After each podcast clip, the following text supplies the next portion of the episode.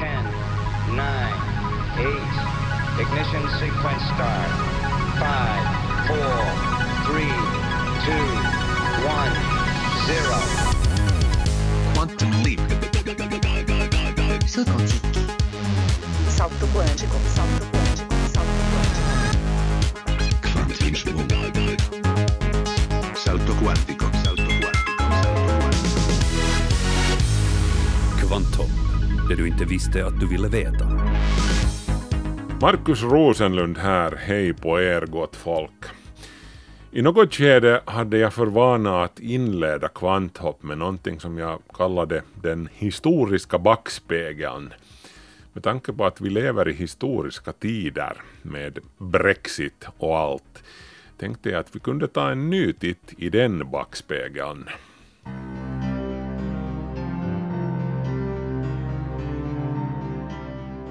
Det här är ju inte första gången som Britannien lämnar en stor gemenskap. Det ursprungliga Brexit ägde rum cirka år 410 då Britannien upphörde att vara en del av det västromerska riket. Fast då var det strikt taget inte Britannien som lämnade gemenskapen, det var gemenskapen som lämnade Britannien under kaotiska omständigheter och utan några desto större tal eller ceremonier. Hur som helst så var det en tid av kaos och förfall med barbarer som bankade på portarna och folk på flykt.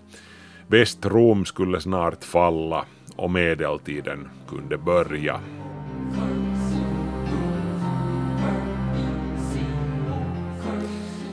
Det är förstås inte rättvist att jämföra Rom med EU och dess nuvarande semikaotiska tillstånd. Rom hade i det skedet som den västliga provinsen Britannia övergavs existerat i 1300 år. EU är no, betydligt yngre än så. Men till bägge unioners förtjänster kan väl räknas någon sorts Pax Romana, antar jag. Och bägge unioner hade som sagt sina barbarer. Rom hade visigoterna, EU har populisterna.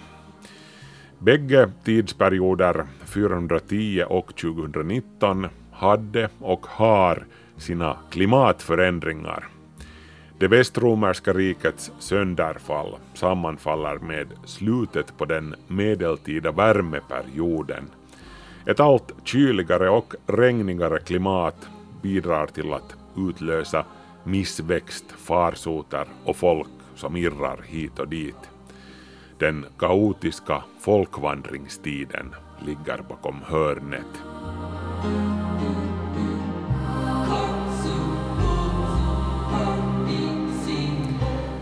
Vår tid har ju däremot sin uppvärmning. Men som jag brukar säga, det spelar sist och slutligen inte någon större roll om det blir kallare eller varmare. Det avgörande är att tillgången på vatten rubbas. Det regnar antingen för mycket eller för litet för att grödorna ska kunna växa. I bägge fallen blir det trubbel och folk som drivs ut på vägarna och på havet i fullpackade ranka båtar. Det är jobbigt att leva i tider med historiens vingslag som susar runt öronen. Alltid någon som får ont någonstans när ett imperium rasar ihop. EU är ju för övrigt inte det enda inom citat imperiet som hotas av sönderfall. Resterna av det brittiska imperiet smulas ju också nu sönder inför våra ögon då kaoset tätnar och mörkret lägger sig över dess gamla hjärtland om man vill vara lite dramatisk.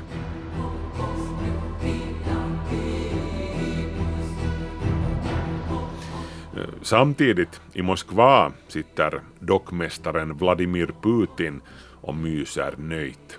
Allt ryckande i trådarna har gett utdelning.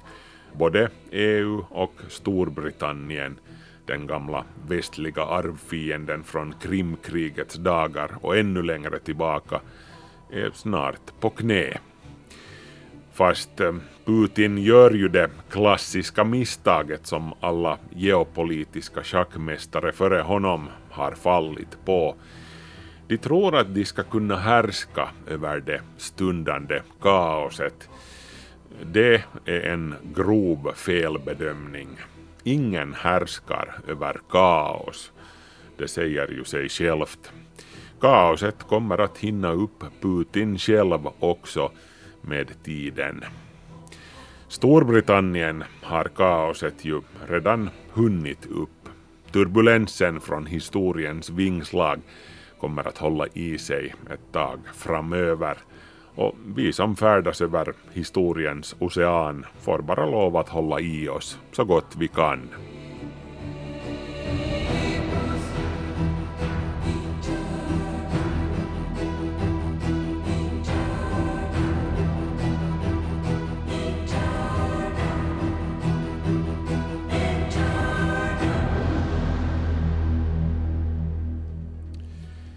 Det blev ju lite teatraliskt kanske det där, men historien är väldigt teatralisk ibland helt enkelt. Några ord nu om vad vi ska snacka om i det här programmet. Det ska handla om den så kallade försiktighetsprincipen som säger att myndigheterna alltid borde behandla en ny teknik eller ett politiskt beslut som potentiellt farligt, även om det inte finns säkra bevis för att de är det, för säkerhets skull. Men det här tycks inte gälla när det kommer till klimatet. Så ska det handla om 5G, som ju vissa anser att är förknippat med risker. Vi har talat med en expert som får uttala sig om vilka de här riskerna kunde tänkas vara. Och så ska vi titta in i kärnkraftverket i Fukushima för att se hur saneringsarbetena fortskrider där efter olyckan som inträffade 2011.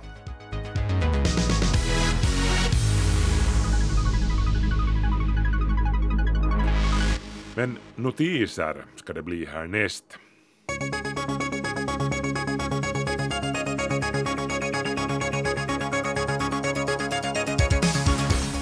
Ägare av Android-telefoner har den här veckan haft nöjet att få sig en sprillans ny version av operativsystemet i fråga. Android 10 heter nyheten som bryter med traditionen som Google länge har haft, att varje ny version ska namnges efter sötsaker. Android 9 hette Pi, till exempel, Lollipop, Nougat och Marshmallow har också förekommit. Men den nya versionen heter helt enkelt Android 10. Till nyheterna i Android 10 hör bland annat geststyrning, du styr telefonen med att svepa snarare än med knappar.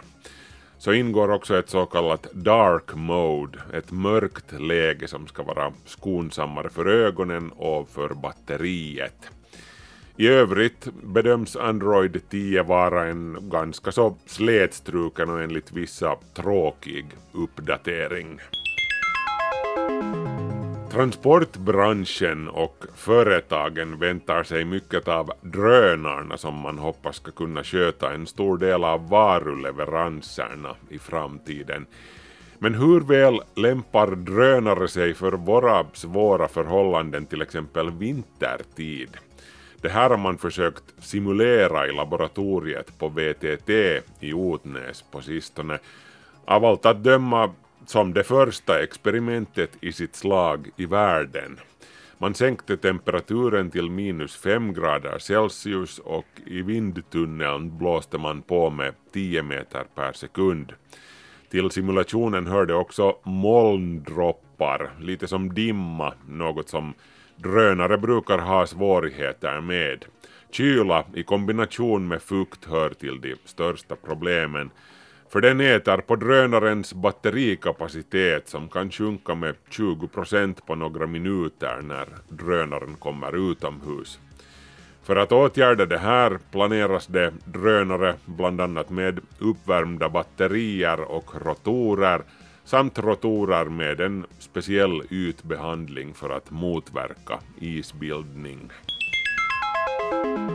Apropå batteritid så förses allt fler elbilar nu med solpaneler för att förlänga sträckan som man kan köra med en laddning.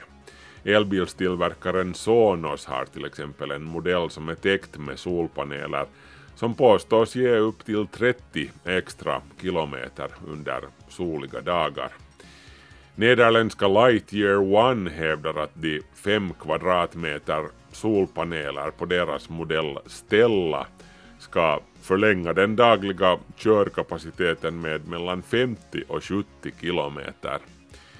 Om din elbil inte har elpaneler inbyggda så finns det också paneler som du kan montera på taket efteråt.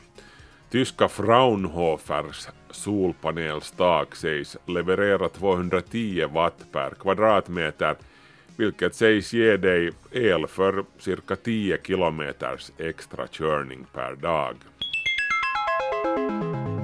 Det börjar bli trångt i rymden kring jorden, tydligen. Häromdagen uppstod ett nära ögat-läge då en svärma av SpaceX-företagets Starlink-satelliter hotade krocka med ESAs Eolus-satellit. När ESA märkte vad som var på gång kontaktade de SpaceX som sade att tyvärr man ämnade inte ändra kurs. ESA beslöt då att skrida till åtgärd ensam så man aktiverade satellitens styrmotorer och höjde på banan ett halvt varv innan den eventuella kollisionen. Det här visar tydligt att det råder en brist på trafikregler i rymden och protokoll för motsvarande situationer, säger en representant för ESA i ett pressmeddelande. Han understryker hur som helst att ESA inte pekar med fingret mot någon, men att incidenten är ett prima exempel på att det skulle behövas en världsomfattande flygledningscentral för rymden.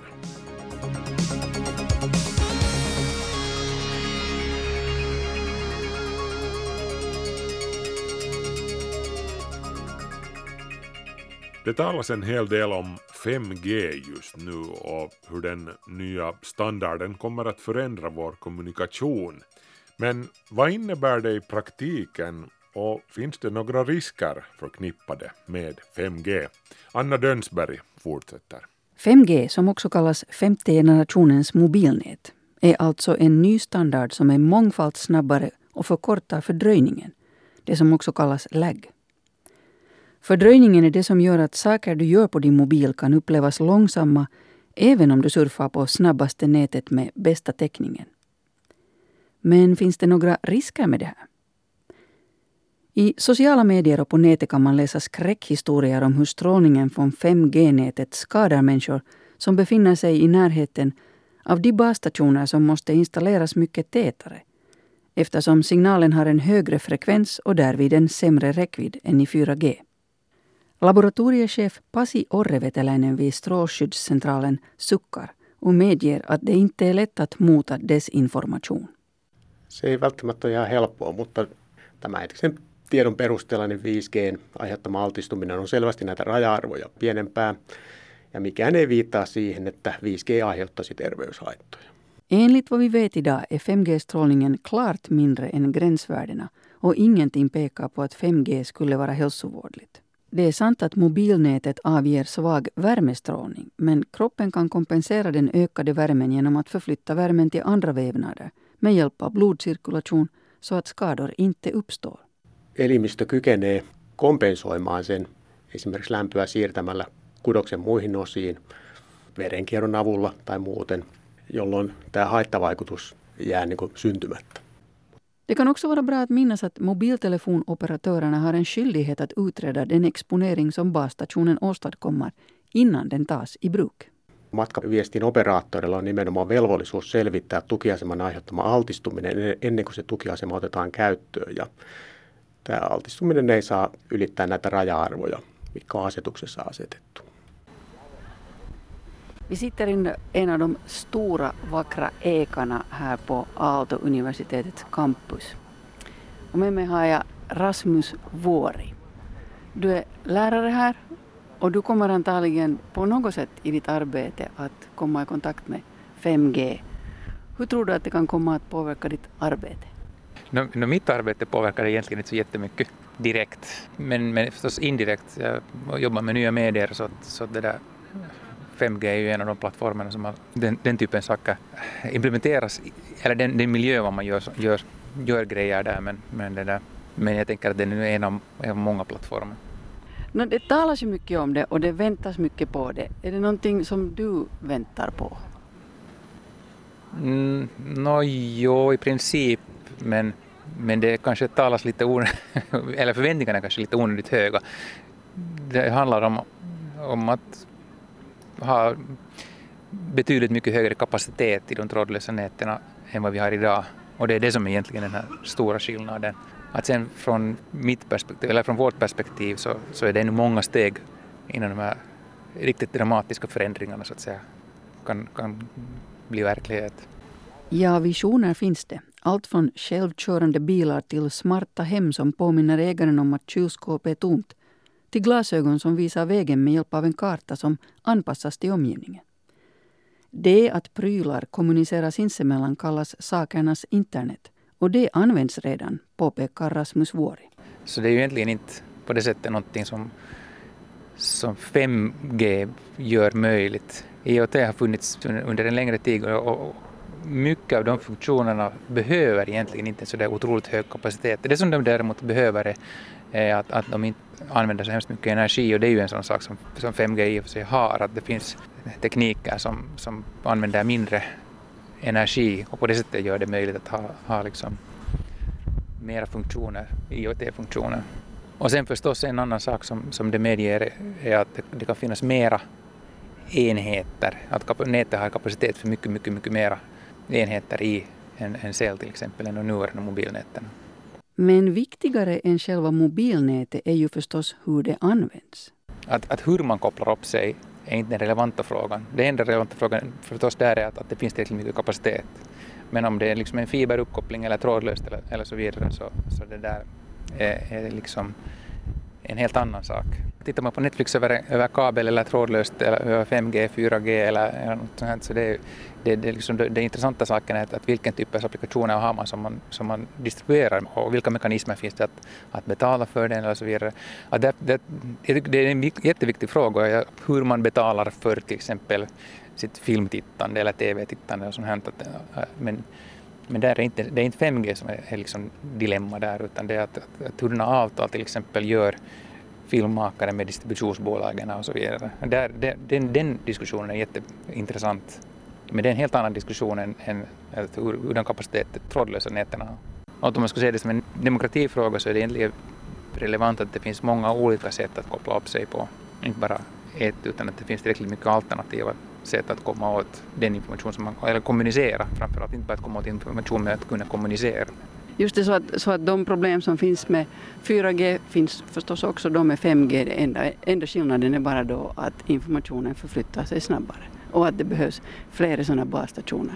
Ja, det är mycket snabbare och använder mindre energi. Och det är snabbare på flera olika sätt. Det är inte bara den här kapaciteten på hur mycket data som är snabbare utan också den här så kallade latenstiden är snabbare. Så det betyder att det finns vissa saker man kan göra mycket bättre i och för sig. Så det är ju en, en ny sak att, att reaktionstiden på, på hur, hur den här informationen går från ett ställe till ett annat är, är betydligt mycket bättre i 5G. Så det gör i och för sig att det är möjligt att, att, att, att göra saker och ting som reagerar snabbare också i det nätet. Och här kommer vi in på den nytta Rasmus Vuoris elever vid Aalto-universitetet kan ha av 5G. För områden där man kan tillämpa det är virtuell verklighet och AR eller förstärkt verklighet som kräver att reaktionstiden är kort för att det inte ska uppstå fördröjning. No, VR och AR det är just ett område som, som kräver att den här reaktionstiden är, är kort för att det inte blir en sån här eh, lag där för då blir upplevelsen liksom mycket, mycket sämre. Och det är förstås möjligt med att göra i, över 5G men det är också möjligt att göra på andra sätt än över 5G. Och då är det liksom inte inte om, då är det ju egentligen inte, inte nätet som är det väsentliga utan den plattformen som man sen gör det, att är det liksom i en mobilapparat eller har man en headset eller på vilket sätt man gör sådana här AR-grejer. Och sen att kommunicera man över dem. Och det gör det ju förstås enklare men det, det är bara en komponent i, i de här lösningarna. Det är lite som att bygga en, en motorväg men att med, med löftena om all den trafik som kommer att finnas där och alla, alla uppfinningar, hur, hurdana bilar man uppfinner att, att köra där. Att sen är det en stor fråga att är det far där sen en, en, en Tesla eller en lastbil eller en räcka men fortfarande så kräver det en hel del annan teknik. Att vad, vad är det som faktiskt åker längs med den här vägen? Att, det är där, där sen det krävs en massa innovationer ännu. Att det är bara något som möjliggör den sortens teknik.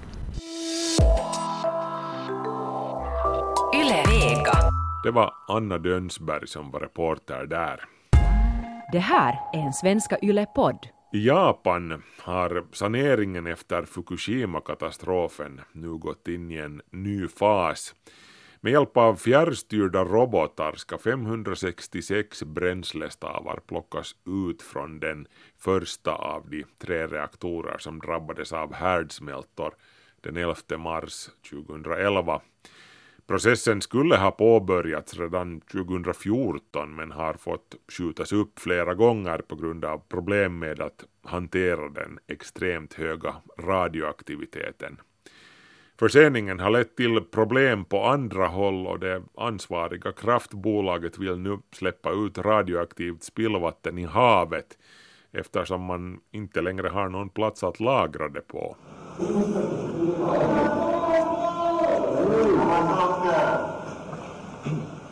Inne i reaktor 3 i kärnkraftverket Fukushima Daiichi görs en robot redo att hämta upp ännu en bränslestav och transportera den till en tillfällig lagringsbassäng ifrån vilken den senare kommer att tas om hand. Roboten styrs av tekniker från ett kontrollrum beläget ungefär 500 meter bort på kraftverkets område. Det är ett tidskrävande och svårt arbete som försvåras ytterligare av den extremt höga radioaktiviteten inne i reaktorbyggnaden. Svårt men nödvändigt. Det har gått åtta år sedan haverierna då tre av Fukushimas sex reaktorer tappade kylningen vilket ledde till härdsmältor.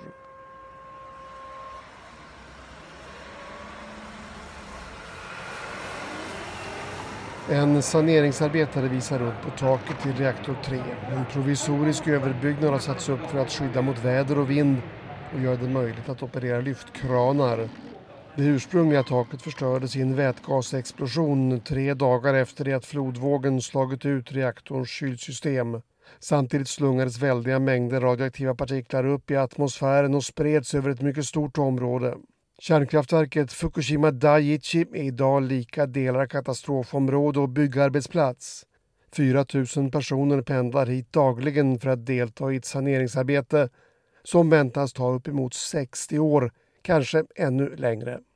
Notan för att hantera katastrofen är idag beräknad till mellan motsvarande 300 och 700 miljarder euro. För att sätta summan i perspektiv kan nämnas att Finlands bruttonationalprodukt, alltså det totala värdet av alla varor och tjänster som producerades under hela 2017 uppgick till drygt 250 miljarder euro.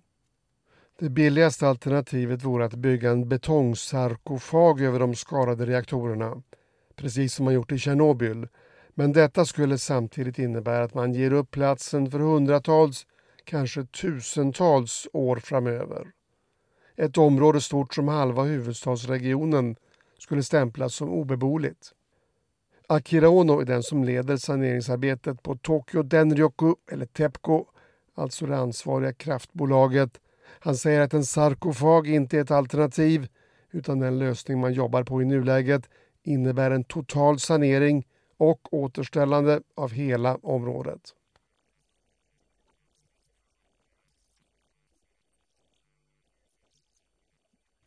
Operationen är en jätteutmaning eftersom vi måste försäkra oss om att vi inte frigör damm och lösa partiklar som är radioaktiva, säger Ono.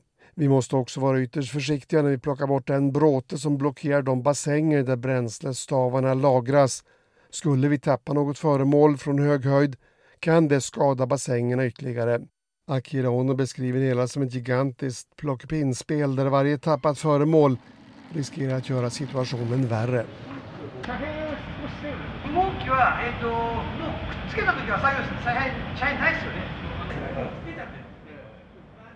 Att stänga en kärnreaktor är en tidskrävande och komplicerad process också när förutsättningarna är optimala. Att stänga en reaktor där det inträffat en härdsmälta är något helt annat. Det har aldrig gjorts förut. Därav följer att prognoser på hur mycket det kommer att kosta och hur lång tid det kommer att ta mest blir kvalificerade gissningar. I den operation som just inletts handlar det om att ta ut drygt 1500 bränslestavar som lagras i bassänger inne i reaktorbyggnaderna. Arbetet kommer att ta minst tre år och vara avslutat tidigast 2021. Först när detta är gjort kan man försöka närma sig själva härdsmältorna. Tre till antalet och, hur märkligt det än kan låta, vet man ännu idag, mer än åtta år efter olyckan, inte hur stora dessa härdsmältor är i volym eller exakt var de befinner sig. De kan vara i botten på reaktorinneslutningen men kan också ha gått igenom skyddshöljena och befinna sig i marken under reaktorerna.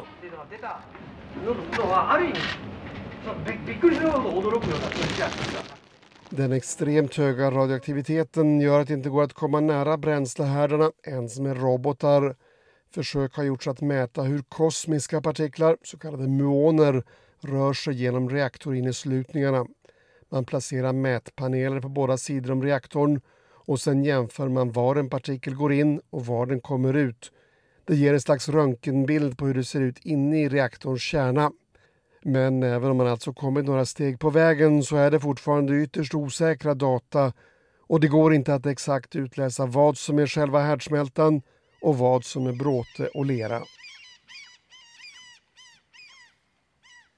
Utsläppen av radioaktivt spillvatten var länge ett problem i Fukushima. Grundvatten trängde in i reaktorbyggnaderna och förde med sig radioaktiva ämnen ut i havet. Lösningen blev att gräva ner rör till 30 meters djup runt kraftverket och sen pumpa runt flytande kalciumklorid i rören, alltså vanligt vägsalt upplöst i vatten.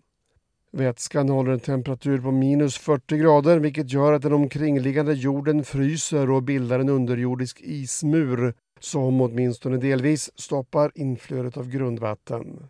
Det vatten som trots allt tränger in pumpas upp och genomgår viss filtrering för att sedan förvaras i stora cisterner som byggts på området. Problemet är att nu börjar marken ta slut och Tepco vill därför släppa ut vattnet i havet och hänvisar till att det radioaktiva ämne som finns kvar, tritium, är så pass lågaktivt att utsläpp inte skulle utgöra någon fara. Men motstånd från fiskare, miljögrupper och andra nationer har hittills satt stopp för planerna. Från myndigheternas sida vet man inte hur man ska hantera det hela. Vi hör Yumiko Kohata, sakkunnig vid industridepartementets enhet för frågor som rör kärnkraftsavfall.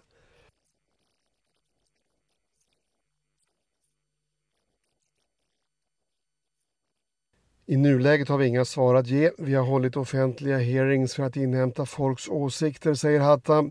Vi har också sökt förståelse från våra grannländer för det problematiska i situationen.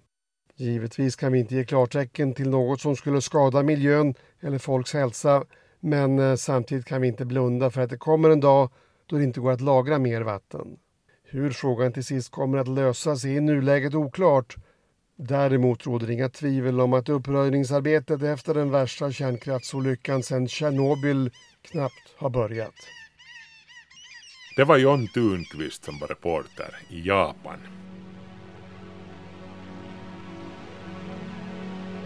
Kvanthopp, det du inte visste att du ville veta.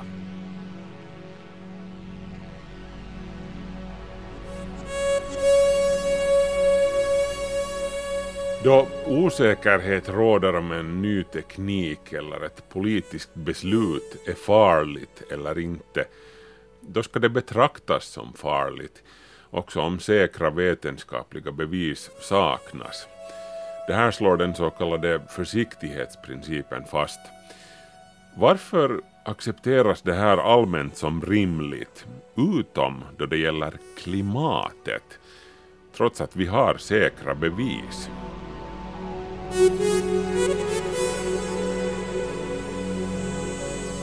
97 procent av klimatforskarna är överens om att den globala uppvärmningen är ett faktum och att människans aktivitet är den huvudsakliga orsaken till den. Det här är ett argument som brukar kastas fram med jämna mellanrum. Hänvisningen till 97 procent bottnar sannolikt i en studie från 2013 publicerad i Environmental Research Letters där forskarna gick igenom 11 944 vetenskapliga artiklar med sökorden global warming, alltså global uppvärmning, eller global climate change, global klimatförändring. Av de här artiklarna tangerade 4014 artiklar direkt orsakerna till den senaste tidens globala uppvärmning och 97,1 procent av de här artiklarna stödde det vetenskapliga konsensus som säger att människan är orsaken till uppvärmningen. En annan metastudie från 2017 gjord av James L. Powell, chef för National Physical Science Consortium i USA, plöjde igenom 54 195 vetenskapliga artiklar skrivna under åren 1991 till 2015. Av de artiklarna höll 99,4 procent med om att uppvärmningen var ett faktum och att vi orsakar den. Andra motsvarande studier har landat på siffror från 91 till 97 procent.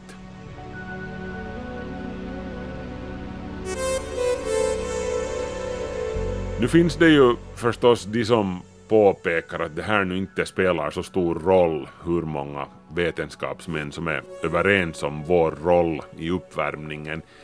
De pekar på det faktum att det fanns en tid då en förkrossande majoritet av vetenskapsmännen var säkra på att jordens kontinenter inte rör på sig eller månens kratrar är av vulkaniskt ursprung.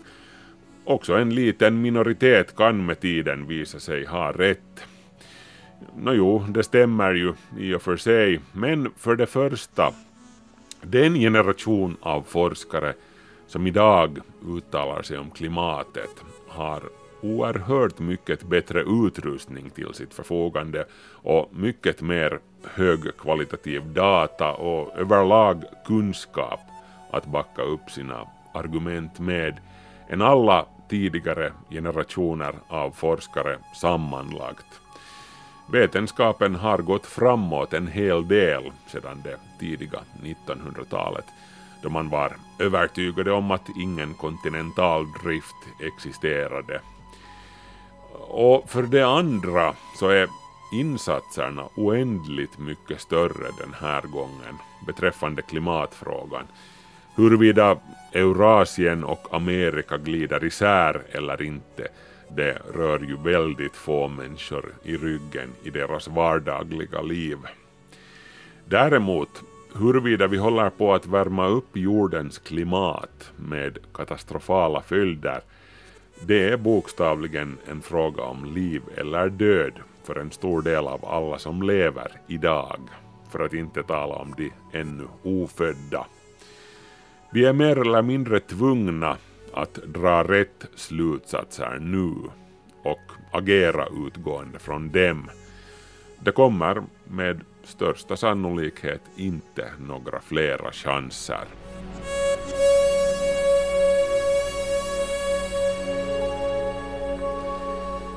Det finns en princip som tillämpas av bland annat EU och inom offentlig förvaltning den kallas försiktighetsprincipen.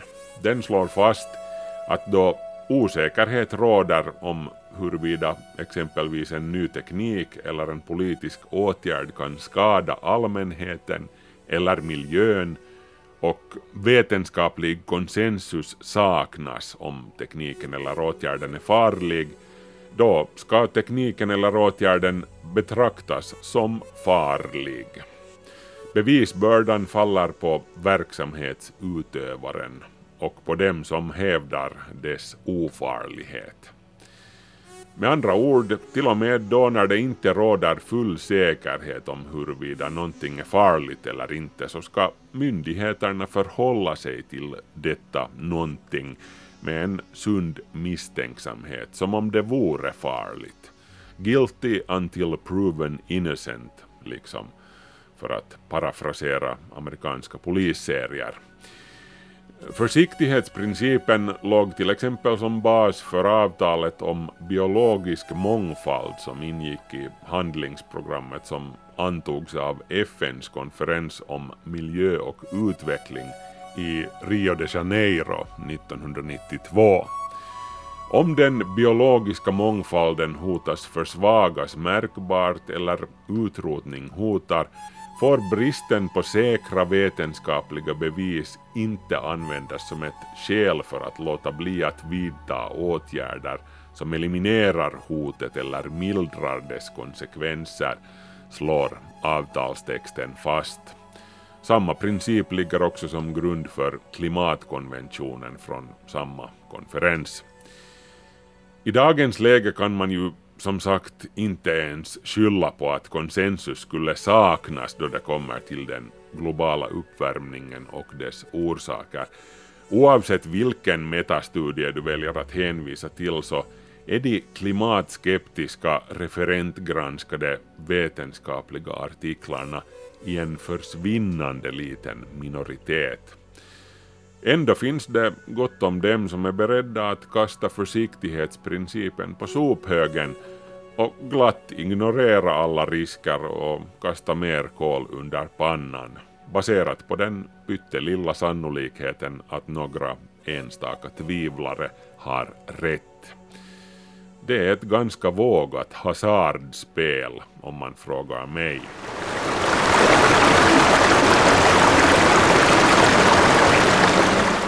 Tänk dig följande.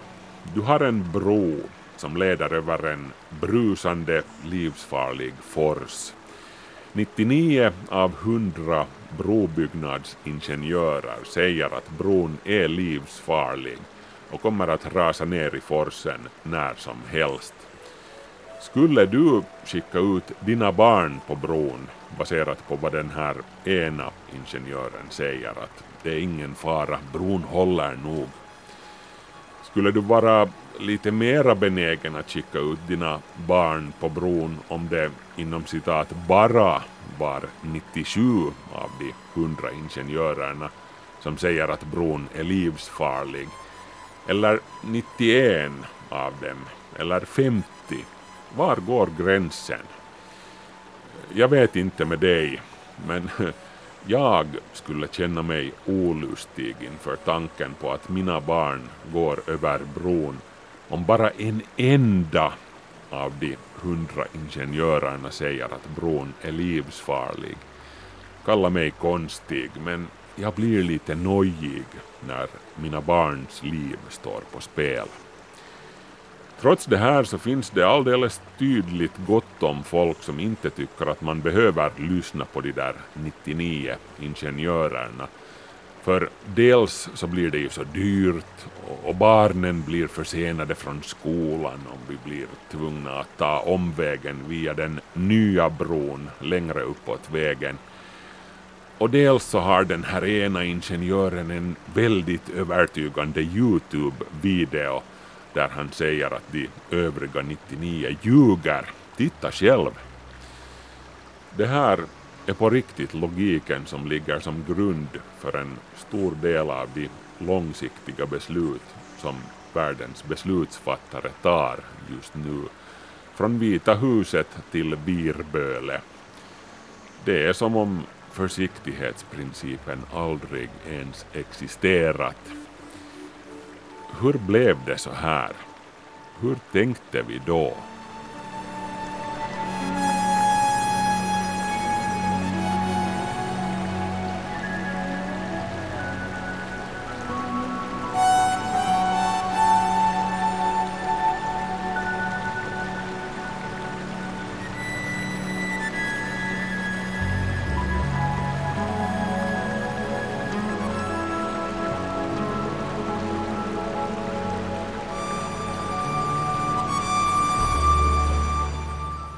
Nu ska det handla om sociala medier.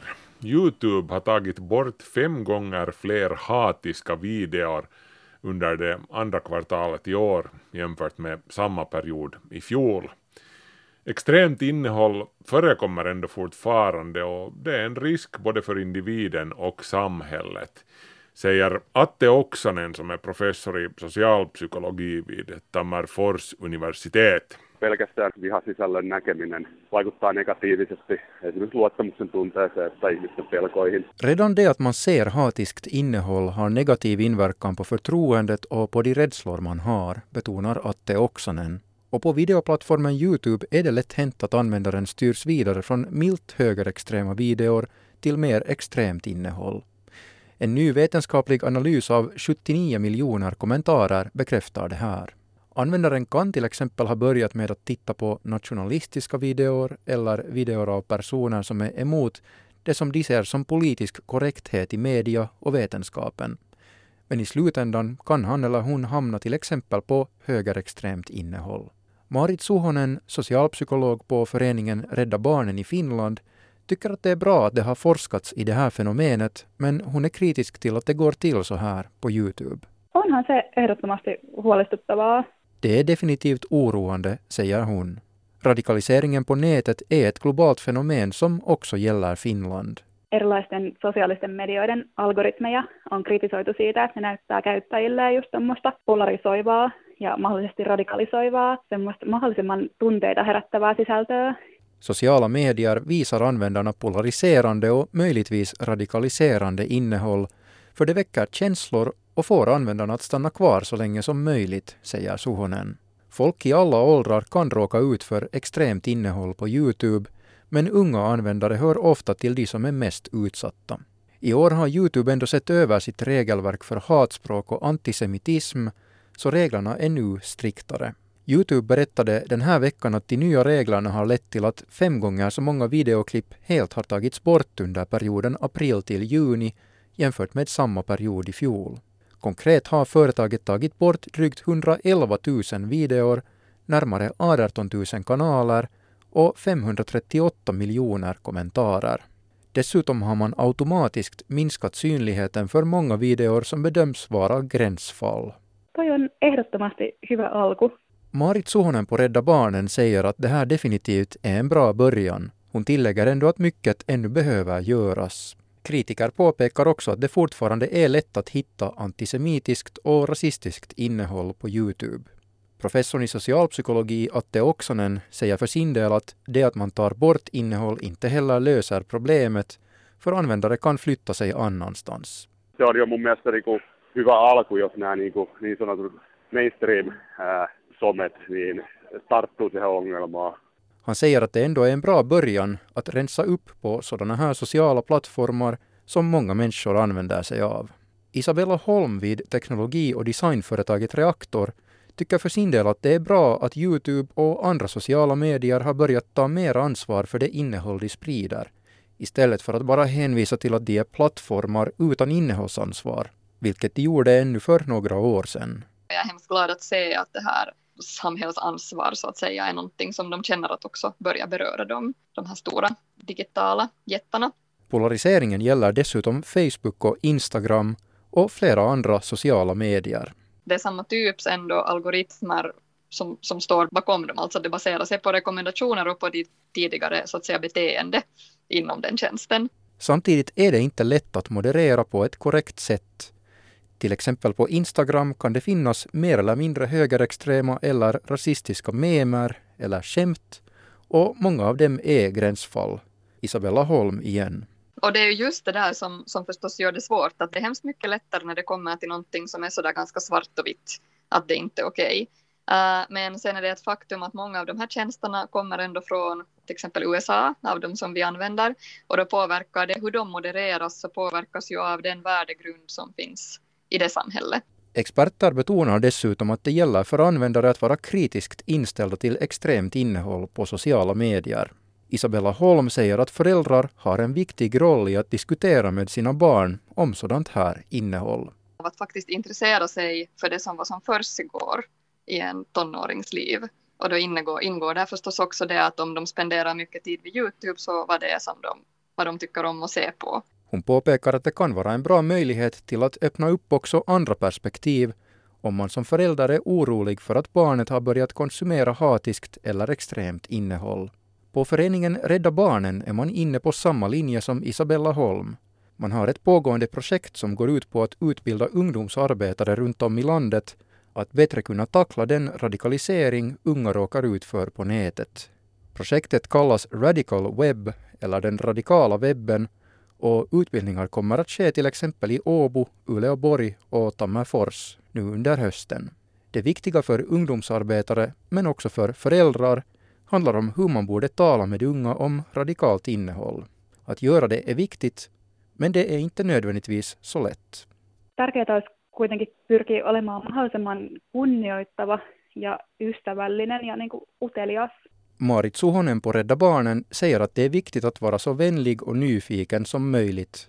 Om man direkt dömer ut den andra personens åsikter eller funderingar så kommer man inte så långt. Hon tillägger att det faktiskt är viktigt att vuxna pratar med unga om radikala innehåll och om fenomen som används som bränsle i sådana här diskussioner.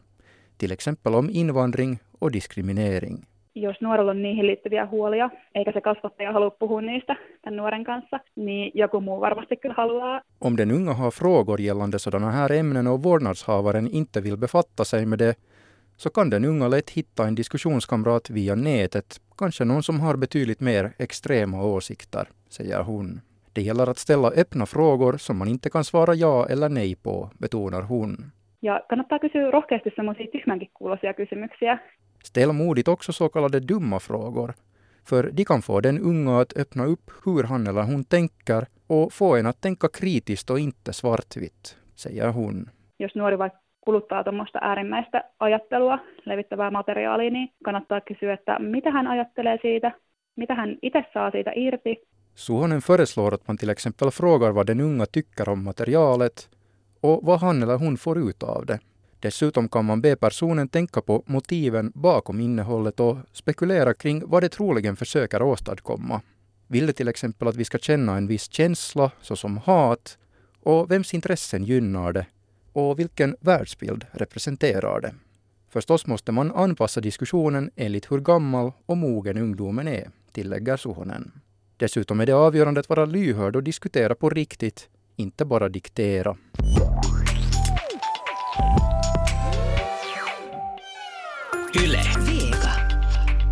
Reporter i det inslaget var Niklas Fagerström. Kvanthopp.